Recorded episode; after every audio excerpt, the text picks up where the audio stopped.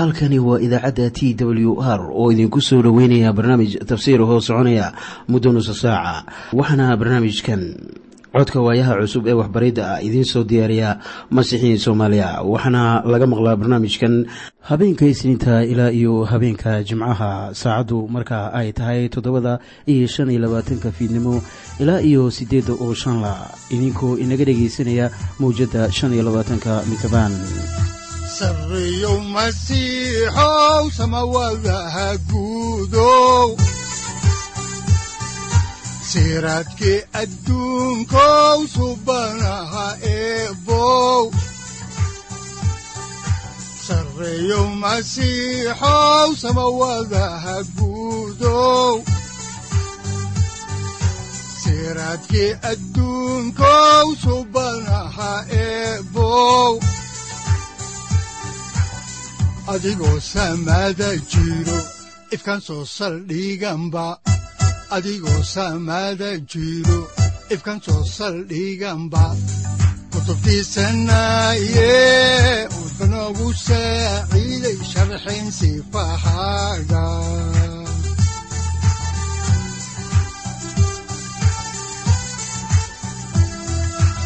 kutubtiisinaayo ebnagu saaciid sharxin sifahaaga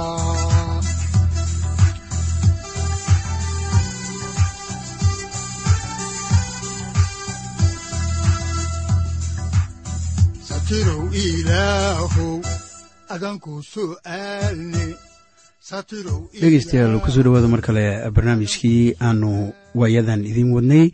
Kaasoo markaa aanu doonayno inaanu idinku hoga tusaaleyno barnaamij shan sano ah oo aanu kaga hadli doono bibaleka dhammaantii. Waxaana aanu ka bilaabi doonaa kitaabka loo yaqaano bilowgii ama genesis ilaa iyo kitaabka ugu dambeeya oo ah kitaabka muujintii.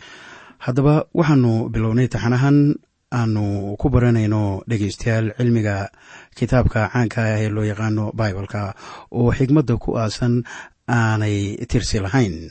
Balse inta aynan arrinkaa idiin bilaabin ayaanu bal ku yaranasanaynaa khasaa'id ay inoogu luuqeeyaan culimo soomaaliya oo welibana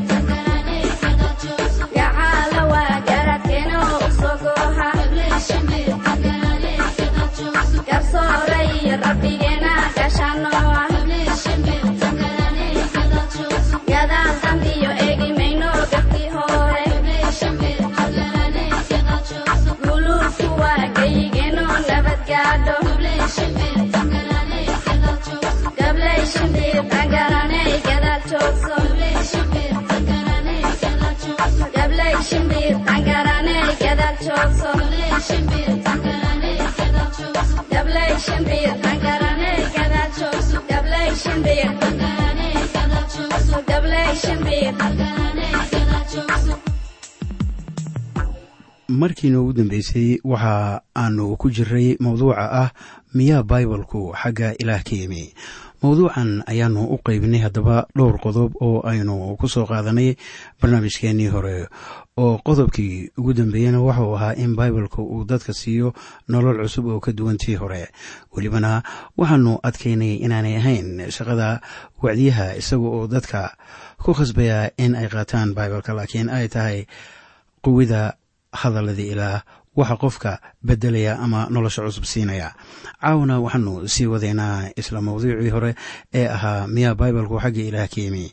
Waxaana caaway aanu isla eegeynaa qodobka shanaad oo ah in ruuxa ilaah uu inoo caddeeyey ama fasiro hadallada ku qoran kitaabka. Sabab kale oo qofka aanu qofka dadka waxbaraya ugu dirqiyin hadalladii ilaah ayaa taasi waxa aan ka helay khibrad aniga qudhayda taasoo markaa noloshayda la soo gudboonaatay. Waxaan gaaray heer maanta aan rumaysanahay in baibalku yahay hadallada ilaah. Waxaan garanayaa haddaba inuu yahay hadallada ilaah waayo ruuxa ilaah ayaa qalbigayga iyo noloshayda u caddeeyey taasina waa sababtii uu rasuul boolos ugala hadlay reer kolosai markii isaga oo u ducaynaya uu lahaa in laydinka buuxiyo garashada doonistiisa xagga xigmadda garashada ruux ahaaneed. Waxaan markaa doonayaa maadaama aan ogaaday in ruuxa ilaah waxyaalahan u xaqiijin karo qalbiyadiinna inaydan u baahnayn taariikh la baro amase wax kaleeto si aad ku xaqiiqsataan in baibalku yahay hadalladii ilaah. Nin wacdiye ahaa ayaa igu yidhi mar sii horraysay walaalow miyaanay wacnayn in haatan taariikhaha iyo baaritaanada cilmi saynisku ay xaqiijiyaan baibalka. Wuxuu soo xigtay baaritaan koldhow la sameeyey markaasaan ku idhi ilama muuqato wax aan ugu xiisoodo ama xamaasad ay ugu reebto baaritaanka ay sameeyeen culimada sayniska markii aan sidaa idhi ayaan waxaan wejigiisa ka dareemay qalbijab iyo sida in uu igu canaananayo waxaanan ugu faraxsanayn in saynisku caddeeyey hadalladii ilaah isaga oo leh. Waa maxay sababta? Maxaadse uga gol leedahay? Isagoo markaa hadalkiisa sii wataa ayaa yidhi ma suurtowdaa inaanay arrinkan la ogaaday xiisad iyo xamaasadba ku lahayn. Markaasaan ku idhi ilama muuqato wax xamaasadii ay ii qaado waxaan ku idhi oo kale anigu waan garanayay in baibalku yahay hadalladii ilaah ka hor. Intaanay raggan taariikh baarayaasha ahi aanay helin jawaabta. Waxa uu i weydiiyey sidii aan ku ogaaday. Markaasaan ku idhi ruuxa rabbiga ayaa u caddaynaya qalbigayga. Waxaan ku kalsoonaya haddaba in ruuxa ilaah aanu hadalka ilaah ku caddaynin oo keliya oo uusan noloshaadana ku xiraynin oo keliya eh laakiin waxa uu ku siinayaa hubaal aad ku dhihi karto. Waxaan garanayaa in baibalku yahay hadalladii ilaah nin gabyaa oo la oran jiray dryden oo ka faalloonayo hubaasha hadalladii ilaah ayaa waxa uu qoray oo yidhi waa halkee halka dadku wax ka bartaan. Sannado badan oo ay jireen iyo meelo kala duwan oo ay ku nool yihiin. Halkee bay ka keeni lahaayeen runtan la guntay sidee iyo sababtee miyaa la barxay laga been sheegay miyaan la garan xanuunka aan laga mahad celin oo aanay u xiisoon ereyadiisa oo aan loo shihidin qiimahooda. Haddaan intaa uga baxo haddaba atixdii dryden ayaannu haatan soo gelaynaa maadada kale ee ah waa maxay muujin? Hal abuuris iftiimin iyo fasiraad. Aan ku bilaabay muujin waxa ay ka macno tahay in ilaa hadlay oo dadka wax u sheegay. Qiirogelin waxa ay ka micno tahay hubaasha muujinta ilaah. Iftiimin ama nuur ayaa isna ka hadlaya in ruuxa ilaah inoo noqdo macallin waayo ruuxu isagaa inala hadla ama xiriira. Fasiraad ama turjumaad ayaa isna khuseeya fasirka aniga iyo adiga aynu ka bixinno hadallada ilaah. Waxaan markaa afartaa waxyaabado aanu kor ku soo sheegnay ku bilaabaynaa muujin. Muujin waxa ay ka macno tahay in ilaa hadlay sida markaa qorniinku leeyahay rabbigu wuxuu leeyahay. Haddaba isla ereygaas waxaa lagu soo noqnoqonayaa in ka badan laba kun iyo shan boqol oo goor. Rabbigu ma doonayo inaad garan weydo inuu hadlay waxaad eegtaa waxaa ku qoran kitaabka cibraaniyada cudubka koowaad ayadaha hal ilaa labo. Markaasuu qorninku leeyahay ilaa wuxuu waagii hore siyaalo badan oo kala duwan awowayaasheen kula hadlay nebiyadii. Laakiin maalmahan ugu dambaystooda wuxuu inagula hadlay wiilkiisa oo ka dhigay kan wax waliba dhexla kan uu duniyooyinkana ku sameeyey. Mar kasta oo aad aragto haddaba laba qof oo xigmad leh oo leh dareen iyo raxmad oo iska helay. Waxaad arkaysaa in xiriir dhex maray. Labo iskumaan ah balse kala tegey waxa ay had iyo goor jecel yihiin inay xiriiraan oo waxa ay ku farxaan in ay warka kala helaan. Dabiicadaha gudaha ee qalbiga dadka ayaa sharaxaad ka bixinaya wixii keenay xafiis boosto telefoon telegram iyo wixii la mid a saaxiibadu way isxiriiriyaan haddii ninku ka maqan yahay naagtiisa war buu u diraa. Wiilka ama gabadha iskuulka dhigatana waxa ay waraaqo u dirtaa aabbe iyo hooyo. Wiilkii gabar caashaqana xiriirku kama kala joogsado. Hadday tahay facebook ama mobile ama email mar kasta waxaa qulqulaya wararka la ysku tabiyo oo fogaanta u dhexaysana micnimo leh.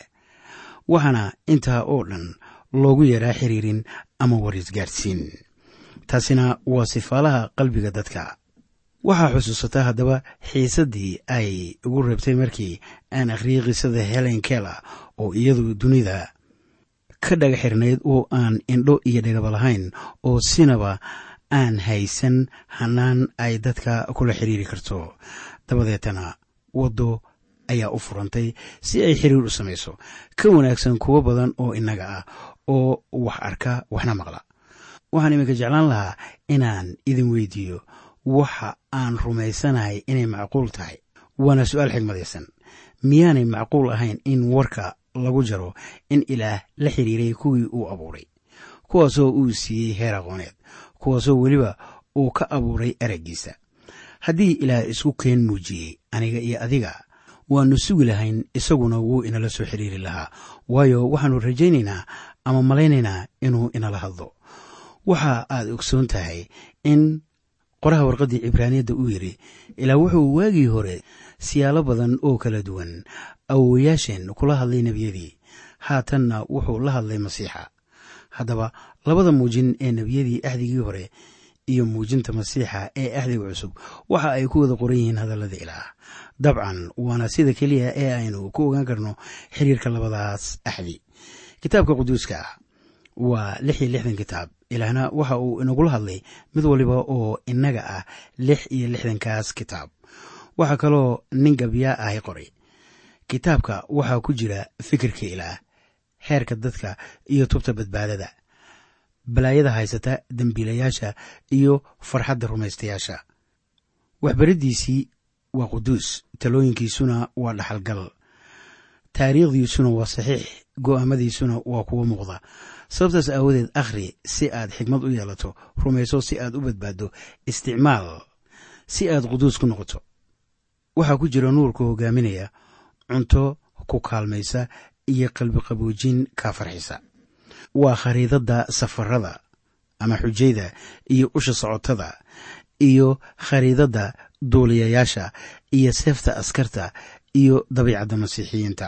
Waxaad ka helaysaa baibalka jannadii oo la cusboonaysiiyey samada oo furantay iyo irdihii cadaabta oo la xiray. Masiixuna waa waxa ugu wada qaalisan. Wanaaggeenna waa qorshihiisa iyo ammaanta ilaah oo ah kama dambaysta.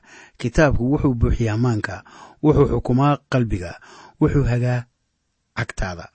Tartiib u akhriso mar kastana akhriso oo nin salaadeed ahaw waxaa lagu siiyey nolosha wuxuuna kuu furayaa xukunka waana la xusuusnaan doonaa mar kasta.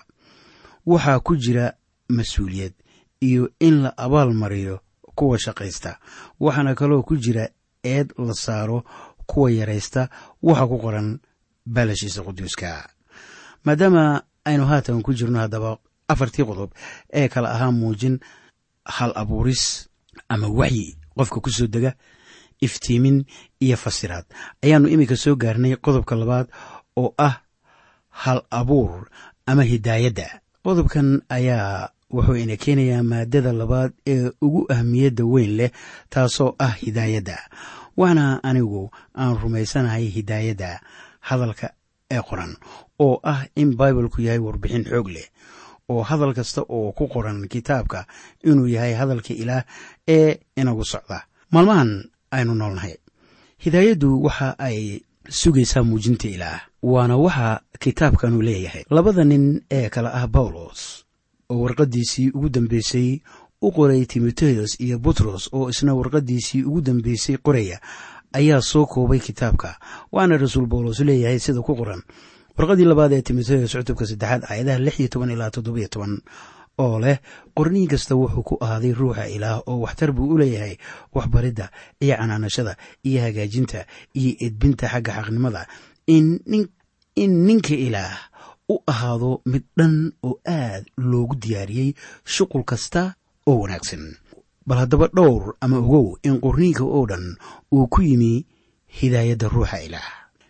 Oo dadka ku soo degtay. Kelmadda hidaayad af ingiriisi ahaan waxa ay noqonaysaa inspiration oo ka dhigan hidaayatu min allah ama hidaayaddu inay tahay wax ilaah inagu afuufay. Ilaah waxa uu nimankan kaga dhex hadlayaa isla sida bawlos ba leeyahay wixii isaga qudhiisu uu inoo sheegi lahaa. Butros ayaa leh sida ku qoran warqaddiisii labaad ee butros cutubka koowaad aayadda koob iyo labaatanaad oo leh waayo waxay nebiyadiisii sheegeen weligood kuma ay iman dadka doonistiisa laakiin dad ruuxa quduuska ah u waday ayaa xagga ilaah kaga hadlay. Haddaba raggaas waxaa kiciyey ama qaaday hidaayadda ruuxa quduuska ah ee ilaah. Wadaadkii caanka ahaa ee westcott ayaa laga qoray inuu yidhi fikirka ayaa hadal lagu daray isla sida ruuxu ugu baahan yahay jir. Taasoo ka dhigan in ilaah ay ka timi xigmad kasta ee noogu qoran kitaabka. Balse dad un la soo dhex mariyey. Wadaad kale oo kebla la yidhaahdo ayaa isna leh.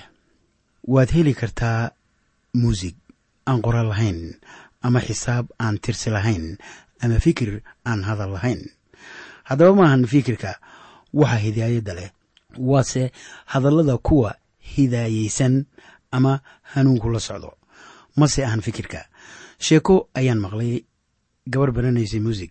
Markii la gaaray xilligii tijaabada ayaa waxaa u yimi macalinkeedii markaasay garaacday organkii oo macalinka hortiisa ku tuntay. Macallinku wuu iska aamusay oo kuma odran waa shaqo wanaagsan ama waa mid xun.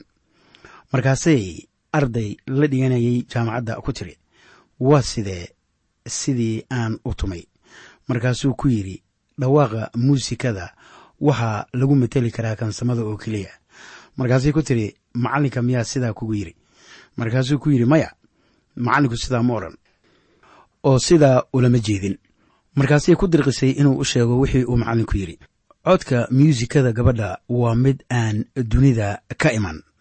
Bilxaqiiqa way kala duwan tahay marka aad leedahay muusigu maahan mid dunida ah iyo marka aad leedahay muusiganu xagga samada ayaa ka yimid marka waxay noqonaysaa maamahdii soomaaliga ahayd markaasoo ay yidhaahdeen hadal nin si u yidhi ninba si u qaaday. Haddaba dhegaysta hadallada qorniinka waa hidaayadaysan yihiin ama waa hidaayaysan yihiin oo maahan fikir ama malo un. Tusaale ahaan cidna shayddaanka kuma soo dejin inuu been sheego. Qorniinkuna wuxuu leeyahay waa beenaale.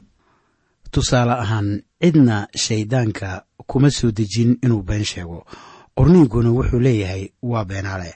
Marka waa hadalka waxa karaamaysan oo hidaayaysan waxaana ciise aalaaba uu oran jiray way qoran tahay. Markii uu soo xiganayo kitaabka axdigii hore kuwii qoray ayaa sii sheegay wixii ilaah inagu lahaa. Kitaabka baxniintii ayaa muuse waxa uu inoogu sheegay sida ku qoran kitaabka baxniintii cutubka labaatanaad aayadda koowaad oo leh ilaah sidan buu ku hadlay. Waa ilaah kan hadlaya muusena waxa uu qorayaa wixii uu ku hadlay. Sannadihii la soo dhaafay ayaa waxaa la soo saaray qoraallo ka mid ah qorniinka isaga oo ka hadlaya qoraaladaas laysugu geeyey dalka ingiriiska ayaa ninka la yidhaahdo sir george kenington. Maamulihii hore oo haatan dhintay ee museumka ingiriiska ayaa waxauu yidhi waxaan ka mahad celinayaa qoraaladan oo dadka caadiga ee akhriya baibalka ay ka heli doonaan saxiixnimada kitaabka. Marka laga yimaado bedelaad xagga afka ah oon sidaas muhiim u ahayn oo lagu yaqaano booga gacan lagu qoray sida noqliga ahdiga cusub.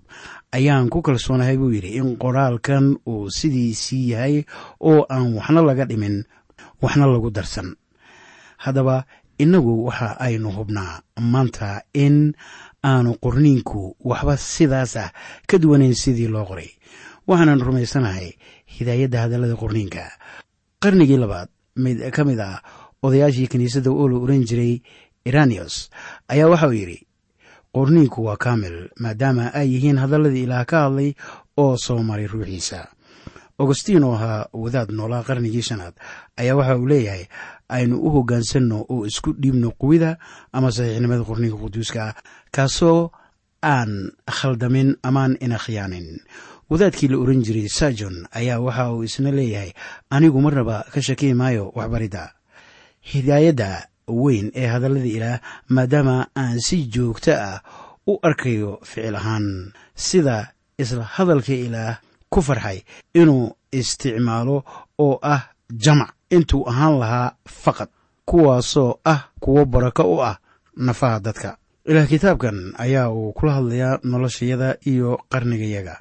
Haddaan maaddadii hidaayadda kor ka timaada intaa ku dhaafno ayaannu kaga gudbaynaa qodobkii saddexaad oo ah iftiiminta ama nuurinta. Iftiimintu waxa ay ka macno tahay maadaama aniga iyo adiga aynu haysanno kitaab ilaah iyo dadkuba leeyihiin oo dad qoreen sifaynayay fikirkooda oo islamarkaana qorayay hadalka ilaah. Ruuxa ilaah oo keliya inuu ina bari karo hadallada ku qoran kitaabka. Taas ayaa ay iftiimintu ka macno tahay. Inkastoo aynu innaga uun soo saari karno xaqiiqada kitaabka. Haddana waa in ruuxa ilaah uu furo maskaxdeenna iyo qalbiyadeenna. Haddii ay tahay inaannu fahanno runta ruux ahaaneed ee hadalka inoogu qoran. Bawlos oo la hadlaya reer korintos ayaa waxa uu leeyahay sida ku qoran warqadii koowaad ee reer korintos cutubka labaad ayadaha toddoba ilaa sagaal oo leh laakiin qarsoonaan ayaanu ugu hadalnaa xigmadda ilaah oo la qariyey oo ilaah dunida horteed ka dhigay ammaanteenna aawadeed.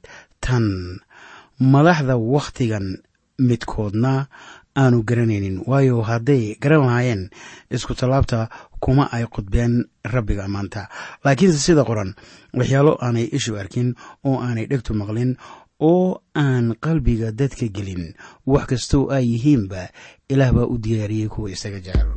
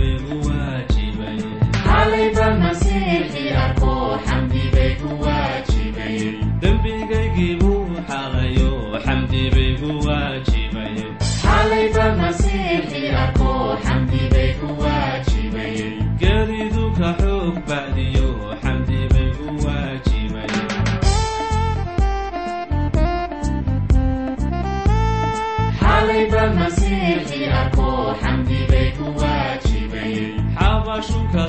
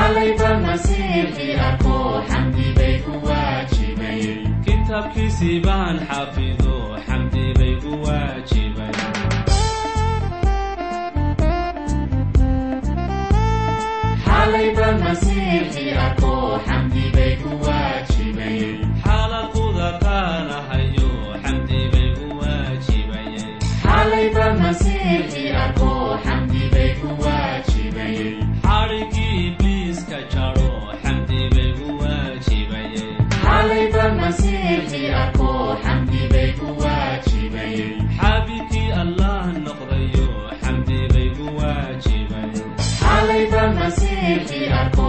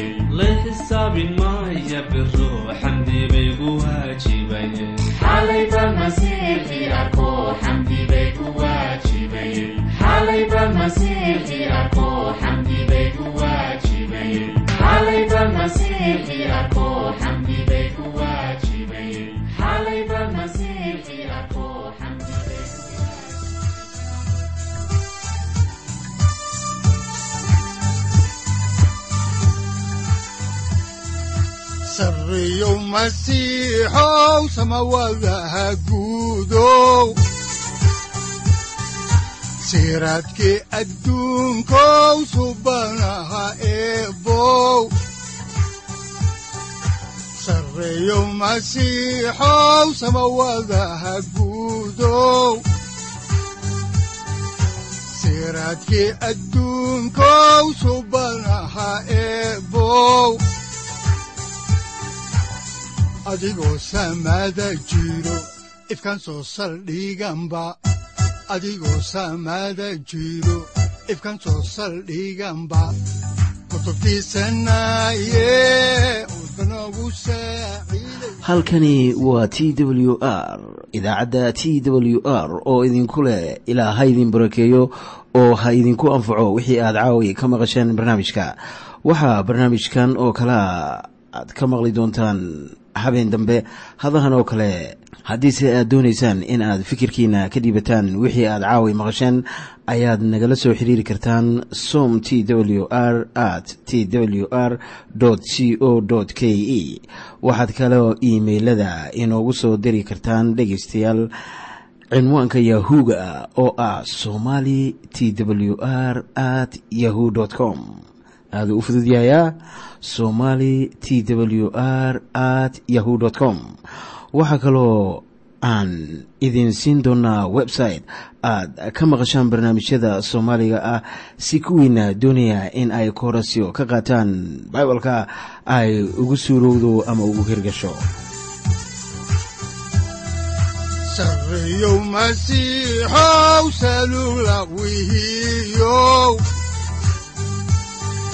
saacadda timid dhulka sabada ku dhalatiyo